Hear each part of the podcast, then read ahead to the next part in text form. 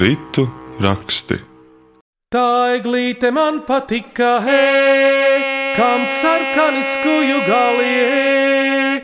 Tā meitiņa man patika, hei, kam sarkani vaigu galie. Kam sarkani vaigu galie, kam dzeltani matu galie. Tur stāvēja mans prātiņš, tavu matu galiņā iet. Labu dienu jums teica tradicionālās kultūras raidījuma laika ritu raksti vadītāja Iveta Medene. Šodienas raidījumā turpināsim runāt par krāsu mistēriju tradicionālajā kultūrā, proti par krāsu mītisko nozīmi. Par šo tematu savos atzinumos dalīties esmu uzaicinājusi latviešu apģērba vēstures pētnieci Ievu Pīgozni, Limbaģa tautas lietišķās mākslas studijas dzilna vadītāju Baibu Vaivari, etnoloģi, apģērba un tekstīliju vēstures pētnieci Aneti Karlsoni. Labdien! Labdien! Labdien.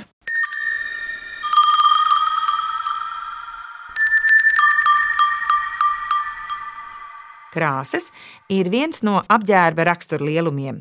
Lai novērtētu to, ka krāsām patiesi ir liela nozīme apģērbā, vispirms rodas jautājums par to, vai apģērbām vispār ir kāda cita nozīme kā vien praktiska. Proti, vai tas veids kādas citas funkcijas papildus valkātāju sildīšanai vai aizsargāšanai no pārāk stipriem saules stariem.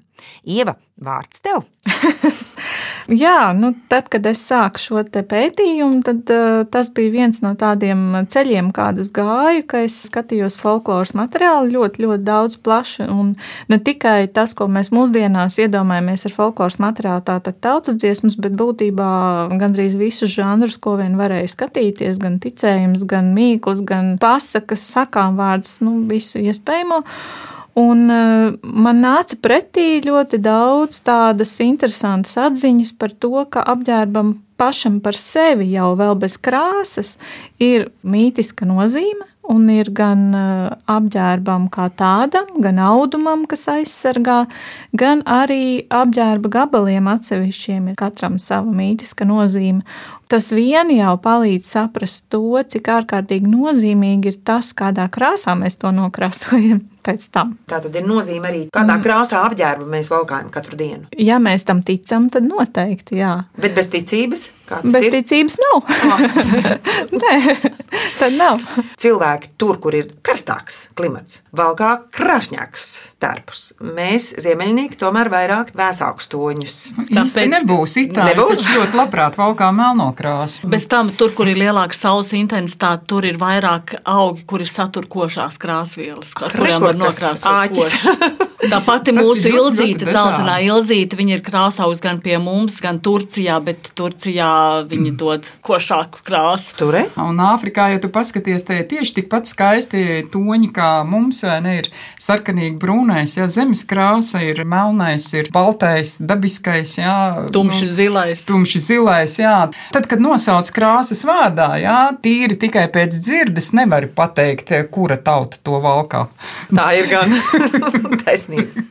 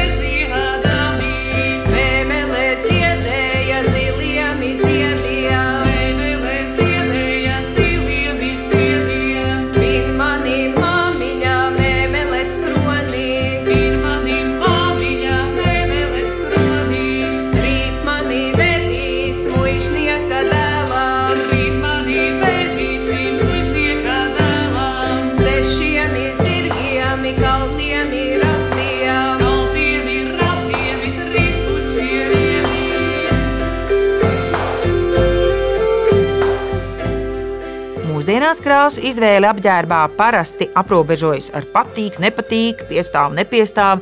Tādēļ grūti iedomāties, ka krāsai varētu būt stingri noteikta nozīme ar sociāli reglamentētu lietojumu atbilstoši sociālajiem stāvoklim, dzimtei, vecumam, notikumiem un tā tālāk. Par to, ka apģērba gatavošanas un valkāšanas ietveri bijuši reglamentēti, liecina teju vai pētījumi dažādu tautu etnogrāfijā. Neliela daļa no tā saglabājusies vēl līdz mūsdienām attiecībā uz atsevišķu dzīves gadījumu, kāzās, bērēs vai sociālo un profesionālo grupu, garīdzniecību, armiju, skolēni apģērbu. Folkloras pētniece Janīna Kursīte uzsver, ka baltu mitoloģiskajā apziņā katrai krāsai ir savas individuālās īpašības un funkcijas. Par krāsu īpašo nozīmi liecina to biežā pieminēšana mītiskajās dziesmās, buramvārdos, ticējumos un sapņu skaidrojumos. Sāksim ar sarkanās krāsas mītisko nozīmi. Un te nodziedāšu dziesmu. Es pāriņu nedarīju bez sarkanā dzīpāriņa, bez sarkanā dzīpāriņa. Sarkanais dzīpāriņš, miglo metā puriņā, miglo metā puriņā. No iepriekšējā raidījuma atceros, lai iegūtu sarkano toni no dabīgiem materiāliem, bija vajadzīga milzīga izturība un pacietība. Anet, tā ir, jā? Vai nu izturība, pacietība, vai arī iespējas nopirkt augus no tiem reģioniem, kur viņi aug. Jo arī tas jau vēl nav izpētīts, vai viss, kas pie mums ir krāsots, ir vienmēr krāsots jā. vietējiem. Bet kāpēc tas bija tik svarīgi? Tieši tas sarkanais tonis, jo visām tautām sarkanais dzīpariņš vai kaut kāds sarkans. Nu, tas, es domāju, ka visiem būtis. cilvēkiem cilvēkiem ir viena kopīga īpašība. Asinis ir sarkanā krāsā. Tas ir dzīvības, tas ir dzīvības eh, simbols. Tā vispār sarkanā ir senākā no, ja neskaita melni balto salikumu, tad melni sarkanais vai balti sarkanais ir vispār jau kopš cilvēces kultūras pirmsākumiem. Tā ir maģiskā krāsa. Anet, tu man sagrāvi. man neienāca prātā tiešām šī. Tiešām nu, tās pirmās trīs krāsas, baltā, sarkanā un melnā, jau akmens laikmetā ir bijušas ar savu nozīmi. Un šī sarkanā ir pa vidu starp balto un melno, jo baltā ir sniega sasaluma un nāvis krāsa. Oh. Man patīk. Melnā ir zemes un dzīvības krāsa. Un sarkanā ir, viņa var būt gan tāda, gan tāda, jo, ja tās ir asinis, tad, ja to asiņu ir daudz un tās ir labas un iekšā mums, tad viss ir kārtībā. Tā ir dzīvības un enerģijas krāsa. Savukārt, ja tās asinis ir izlietas, tad ir bēdīgi. Tad tā ir atkal nu, tā nāves krāsa. Un tāpēc arī šis trīs krāsu salikums, viņš gandrīz tāds pats ar tādu pašu nozīmi, ir praktiski visā pasaulē. Knābmāsiņa madariņa sāra pļavu ganīdama ganīdam, nepiedara melni raksti bez sarkana dzīpariņa, dzīpariņ. Ir bez savu cekuliņu noskujiņas darināja, darināja, man māmiņa darināja no sarkana dzīpariņa, dzīpariņa. Māršiņa brāļa līga viņa dod sarkana dzīpariņa, dzīpariņ. Pate būsi tautiņāsi man pūriņa dalītāja, dalītāj. Likšu melnu dzīpariņu būs tev kaunsi cilājot, cilājot. Es pūriņu nedarīju bez sarkana dzīpariņa, dzīpariņa. Sarkanais dzīpariņš mird spūriņu apakšā, apakšā. Ne, sarkanā krāsa vispār mītiski ir vissvarīgākā. Var saprast, ka, ja tā ir izmantota apģērbā, tad tā ir asiņa un dzīvības krāsa. Un, mums nav tādi apģērba gabali līdz pat 19. gadsimta otrai pusē, kas būtu visi vienā sarkanā krāsā.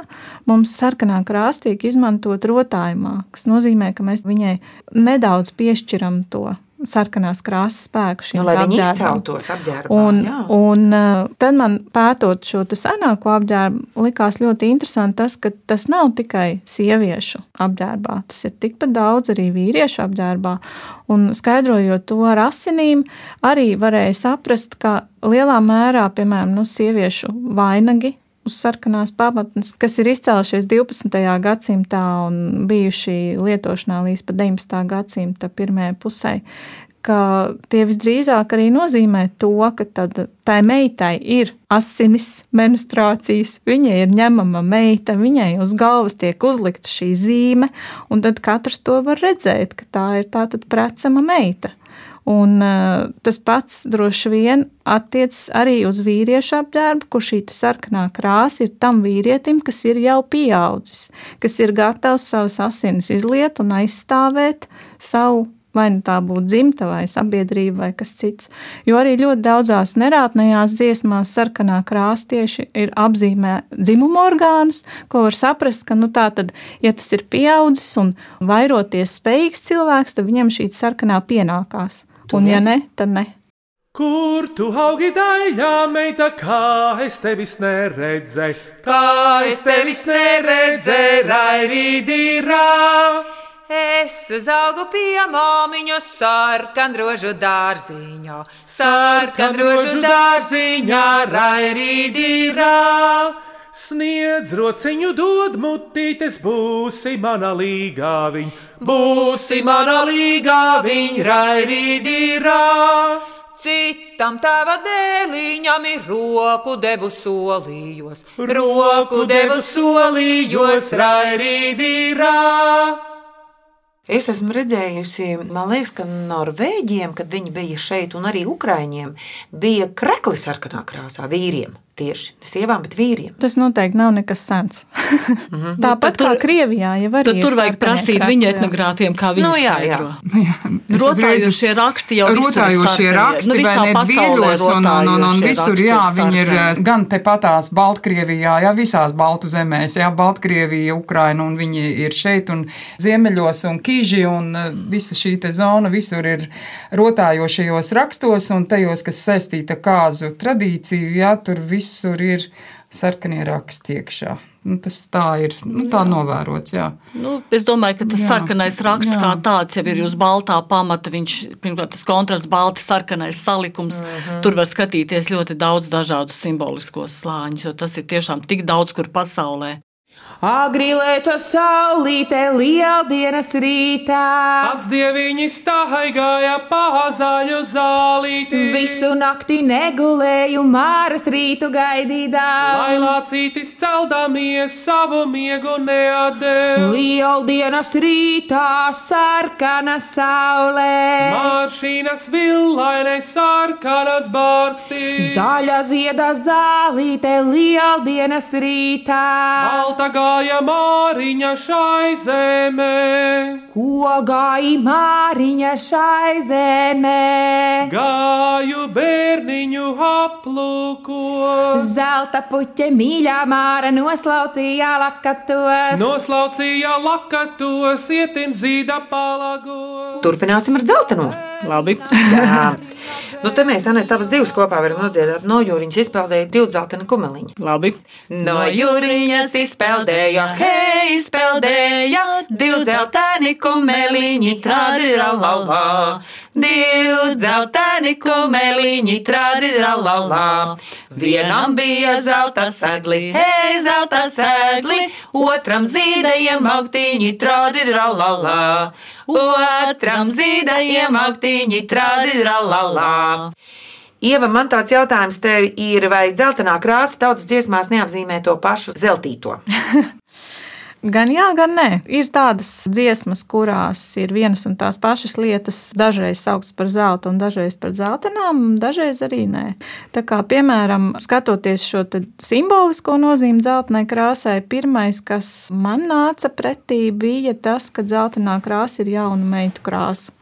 Un, kā galvenais simbols ir dzeltenās cielavas, ļoti daudzās dziesmās, kurām pretī kā puisis ir vai nu pelēks vanaks vai vēl kāds cits putns, bet tiešām tā dzeltenā krāsa kā tādu jaunu meitu sauktu par zeltainēm, dzeltenēm, dzeltainēm, un visi šie variāciju vārdi nav tikai zeltaine viena pati, ir, ir dzeltaine un arī visādi citādi, ka tās tā tad ir jaunas, neprecētas meitas. Šīs dziesmas ļoti patīk dziedāt vidudam par zeltainēm. Pēc tam, tad, kad tiek runāts par precību kāzu ciklā, kur tā situācija tāda, ka tās jaunās meitas pirms precībām iet uz silu, plūkt dzeltas, tur tā īsti tanīs tekstos tieši neparādās, ko viņas ar tām dzeltām dara, bet dzeltas domājums, kā daudz pētnieki jau pirms manis ir atzinuši un sprieduši, ka tie varētu būt likopodijas taipekņi, kuri ir būtiski kā krāsaugi gan zeltainas krāsas iegūšanai, gan sarkanas krāsas iegūšanai, kā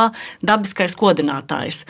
Un tā situācija, tā, kad tās tautsdziesmas lasa tā daudz vienu pakaļ otrai, tad tur pilnīgi viņa tāda, tāda drusku mistiska, drusku tāda baisa, jo tad ir baila vilka aiznesama, vanaga nositama. Nu, tur tas tautieša tēls, tas pelēkais kaut kur turpat ir, jo tas viss saistīts ar tādu nu, līga uz akšanu. Līga uz akšanu, jā, bet nevar ietenīt tautās, jo vajag tās dzeltas, nu vajag, jo būs tautietis dzelteniem matiņiem, jo tur atkal tās krāsu paralēles, un viņas tādas ļoti interesantas, Vīnes. un līdz galam īsti tu tā nevar saprast, kas tur īsti ir. Jauki. Aijā uz Daugavas, aijā es dzīvoju, aijā uz Daugavas, aijā uz asē. Aijā pieniedrītes, aijā laivu seju, aijā pieauziņas, aijā kumelī. Aijā pats uz kapu, aijā kalniņai, aijā dzeltainītes, aijā lūkoties. Gan bija lielas, aijā gan bija mazas, aijā nav manāmi, aijā prātiņām, aijā viena maza, aijā dzeltainīte, aijā tā manāmi, aijā prātiņām aijā tā es devu, aijā savu roku, aijā savu zelta, aijā gredzentī.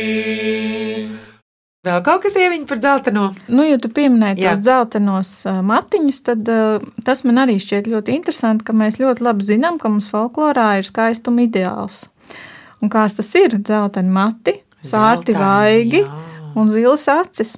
Un tās arī ir tās trīs galvenās krāsas, kuras mēs būtībā tūkstošiem gadus izmantojam apģērbā kas man šķiet, o, oh, tā tad tās skaitās tās skaistākās krāsas mums. Pie tam tās ir tās krāsas, kurām ir vienīgām atrodami nepārprotami minēti augi viņu iegūšanai tautas dziesmās. Jo, kā mēs esam runājuši daudz par to, ka ar augu valsti var nokrāsot daudz un visu un praktiski jebkuru krāsu. Tautas dziesmās parādās tikai zilā, sarkanā, dzeltenā.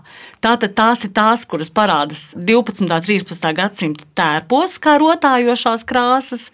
Tās parādās tautas dziesmās, tās parādās skaistuma ideālā. Tur re! Mm. Kādu atklājumu mēs esam šodien raidījumā veikuši? Fantastiski! Knabmāsiņa mādariņa sāra pļavu ganīdama, ai, ai, ai, la, la, ārā pļavu ganīdām. Nepiedar melni raksti bez sarkana dzīpariņā, ai, ai, ārā, la, la, bez sarkana dzīpariņā. Sūta mani māmuliņa uz siliņu dzeltu rauti, ai, ai, ai, la,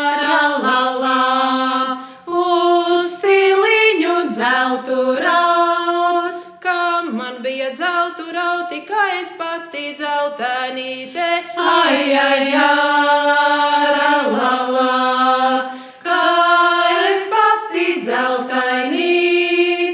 Vecā māte gudriniece, zila zaļa pervētāja. Ai, ai, ai,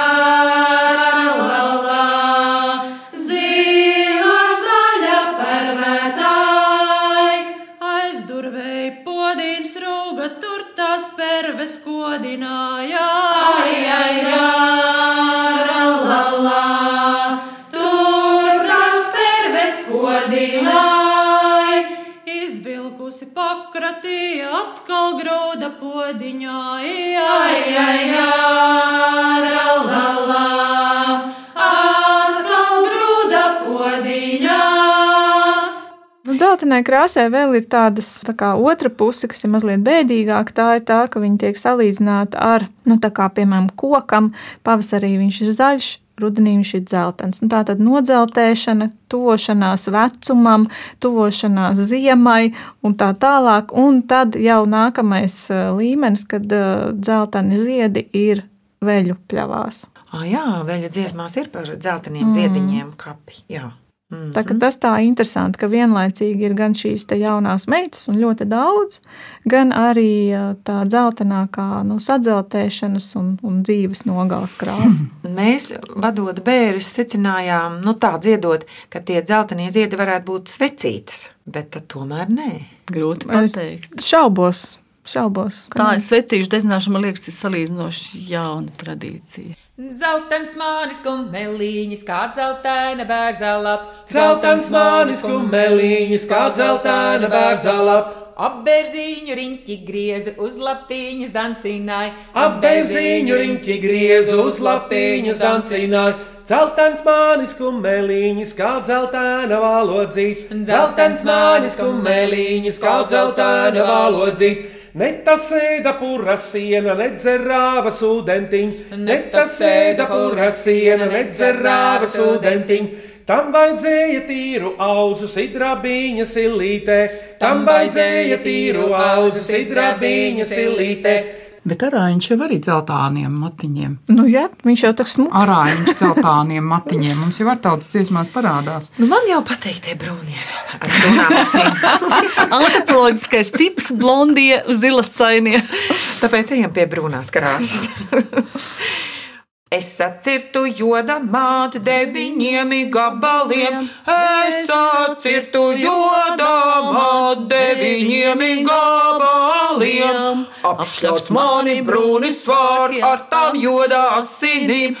Apšļauts mani brūni svārki ar tām joda asinīm. Brīnišķīgi mums sanāk. Bet eh, par brūnās, pelēkās un zaļās krāsas mītisko nozīmi runāsim nākamajā laika ritu raksturraidījumā, kur kopā ar mums dziedās folkloras kopas savieši, dzīvu krāsotājas. Es atvedu bāliņām zilu zaļu līga viņu, viņģetu, viņģetu, viņģetu, zeidu, ejma katru, di katru. Zili brunči, zila svīte, zaļa kuča vilnanīte, viņģetu, viņģetu, viņģetu, zeidu, ejma katru, di katru. Zila zaļa līda cīņa nāc ar mani spēlēt ieci, viņģetu, viņģetu, viņģetu, zeidu, ejma katru, di katru. Visgudrāja mātes meita nāc manā ir rociņai, viņģetu, viņģetu, viņģetu, zeidu, ejma katru, di katru. Tradicionālās kultūras raidījumā laika ritu raksti runāja etnoloģe Anita Karlsone, tekstilmākslinieca Baiva Vaivare un kultūra vēsturniece Ieva Pīgozne. Skaņu režijā Reinis Budze, raidījumu vadīja Iveta Medene uz sadzirdēšanos nākamajos laika ritu rakstos. Tautas dēlu acis dega kā sarkāna uguntiņa. Tautas dēlu acis dega kā sarkāna uguntiņa. Redzēja mani bāliņos, kā puķīti staigājam. Redzēja mani bāliņos, kā puķīti staigājam.